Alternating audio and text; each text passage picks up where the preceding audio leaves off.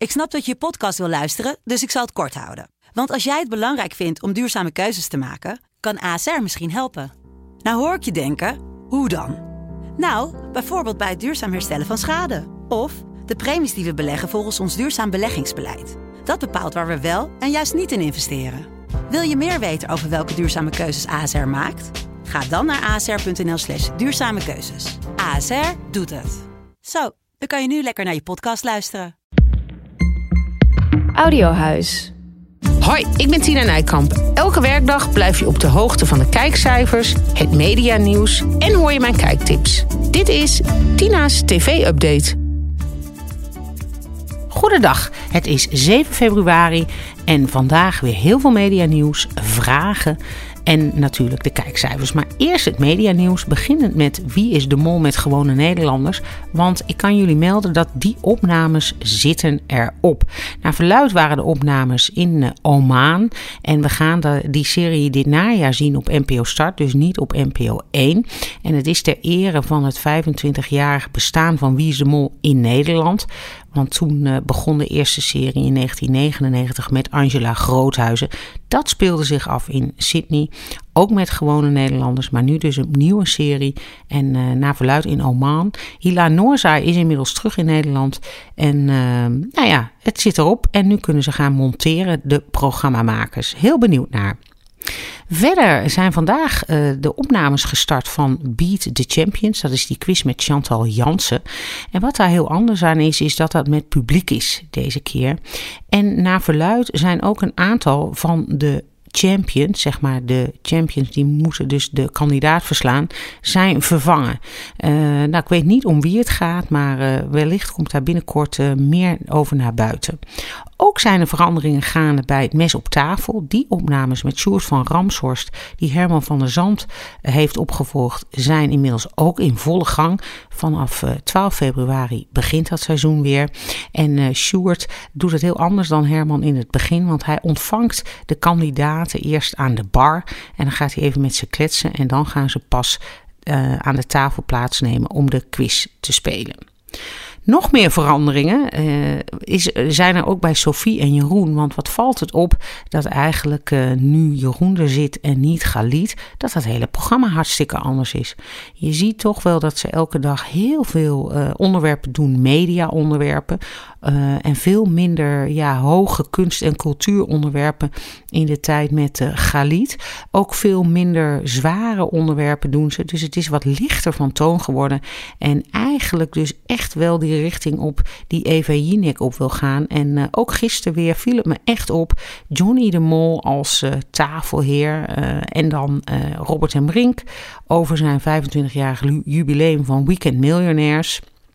Nou, dat zijn onderwerpen die had ik echt een jaar geleden, als ik aan Galit en Sophie dacht, daar totaal niet uh, uh, ja, bijgenoemd. Ik denk wel dat het een hele goede zet is van ze, want ook gisteren scoorde toch best wel weer aardig 757.000 kijkers. En dat uh, zijn cijfers die Sophie niet gewend is, in ieder geval met dit programma. Um, dan is er nog nieuws over, uh, ja, toch weer over dat rapport van Rijn. Hè? Dat blijft maar doorsudderen. Nou, de privé heeft vandaag alweer een heel artikel over dat er ook onrust is binnen de EO. Nou, uh, ik heb dat nog niet gelezen. Maar uh, nou, het, het, gaat maar door al dat nieuws. Hè. Remco van Leen op non-actief. En uh, nou ja, bij Medialeen, het productiebedrijf van waar Matthijs ook zijn zondagavond talkshow en zijn Olympische Spelen talkshow zal gaan maken, is er ook van alles aan de hand. Want daar is nu de hoofd TV, en dat is ook een ex-hoofdredacteur van De Wereld Draait Door, is nu ook met sabbatical. Dat staat in ieder geval op zijn LinkedIn. Dat gaat over Marco Versluis. En gisteren was natuurlijk al die andere hoofdredacteur van De Wereld Draait Door in het nieuws. Die overigens ook heel lang bij uh, Media Lane heeft gewerkt als hoofd uh, Infotainment TV. En zelfs nog een bedrijfje uh, bij Joop en Iris van der Ende had. Samen met de productieleider van de Wereld Rijd Door, Mr. en Mrs. Lane. Nou, die kwam gisteren natuurlijk in het nieuws, wat ik toen al bracht. Dat met die posts over, uh, ja, op haar Instagram, dat ze aan een docuserie had meegewerkt. En daarna nog een grapje over een tafelheer maakte. Het was een beetje, vond ik nou een beetje heel erg ongepast om dat op die dag te doen. Dat Matthijs niet bij RTL ging werken, dat dat bericht naar buiten kwam. Nou, in ieder geval, er is genoeg rumoer dus, maar in ieder geval Medialeen heeft dit jaar een hoofd TV die met sabbatical is. Die neemt een tussenjaar volgens zijn eigen LinkedIn. Dus wie hoofd TV gaat worden van de show van Eva Jinek, die daar ook gemaakt gaat worden, is onbekend ehm, en staat in ieder geval nog niet op de site vermeld.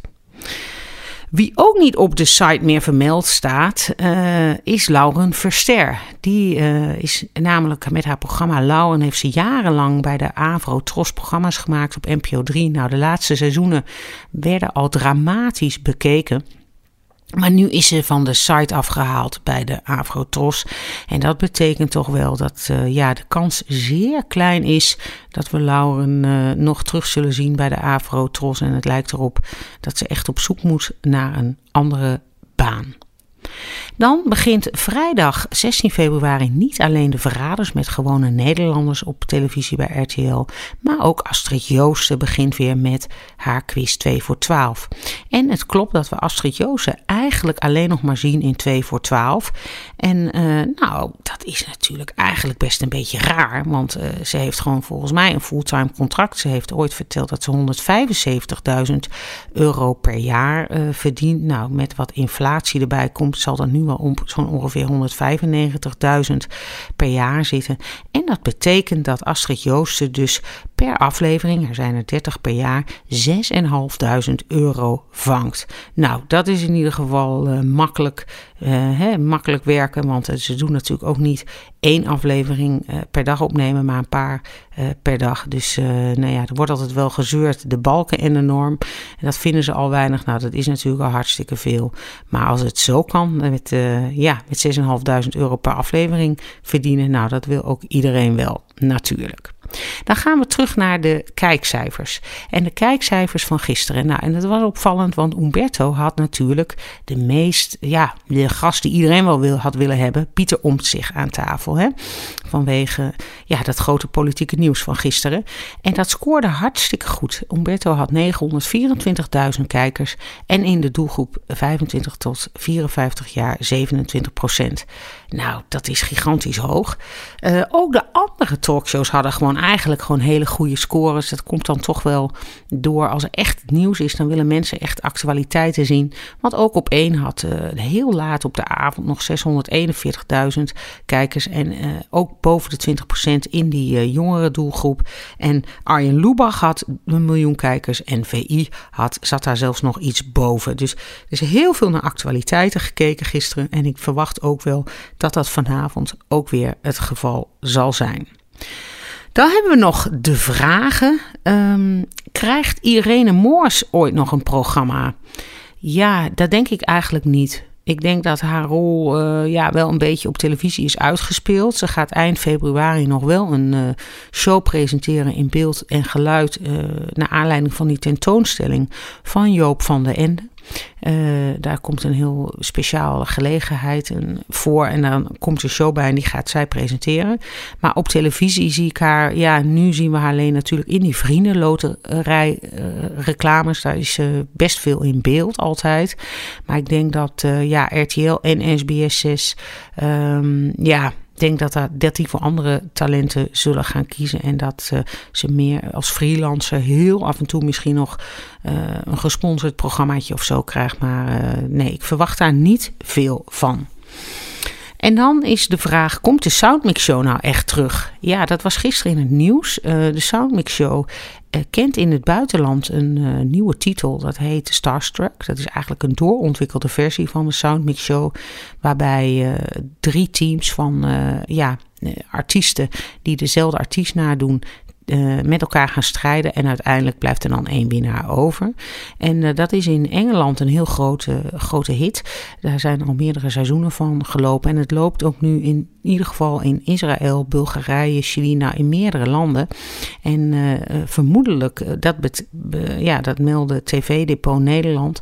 een Instagram-account is dat. Die melden dat uh, ook in Nederland ze daar nu echt mee bezig zijn. En wellicht is dat dan natuurlijk voor RTL 4 of SBS 6. Nou, dat zou wel heel leuk zijn. En uh, ik heb ooit al eens bij Umberto gezegd dat ik denk dat dat heel geschikt is voor Gerard Joling. Dus ik hoop dan dat hij dat uh, mag presenteren. Want dan, uh, ja, hij komt natuurlijk uit de Soundmix Show voort. En ja, ik mis hem een beetje als presentator op televisie. Omdat we hem nu eigenlijk alleen maar als panellid zien. Dus ik zou dat persoonlijk wel heel erg leuk vinden. Dan is natuurlijk nog de kijktip. En de kijktip voor vanavond is van mij het familiediner. Nou, niet dat dit dat mijn favoriete programma is, maar uh, het is best wel een tijdje niet op de buis geweest. Zelf vind ik het wel een keertje klaar met dat familiediner. Ik vind het ook helemaal niet bij de NPO passen.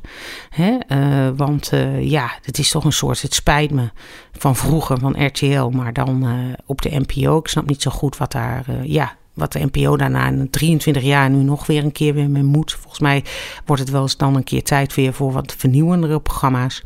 Maar goed, dat programma heeft wel wat vernieuwingen ondergaan, beweren ze zelf. Ze hebben er wat nieuwe onderdelen in.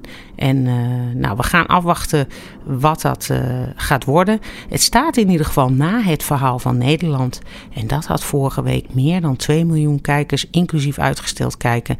Dus uh, ik denk dat Bert van Leeuwen daar in ieder geval heel blij mee zal zijn. Beter, betere instroom kan hij zich niet wensen in ieder geval. Nou, dat was het voor vandaag. Een hele fijne dag nog en tot snel. Dit was Tina's TV-update. Heb jij nou ook een vraag? Stuur me een berichtje via Tina Nijkamp op Instagram. Tot morgen!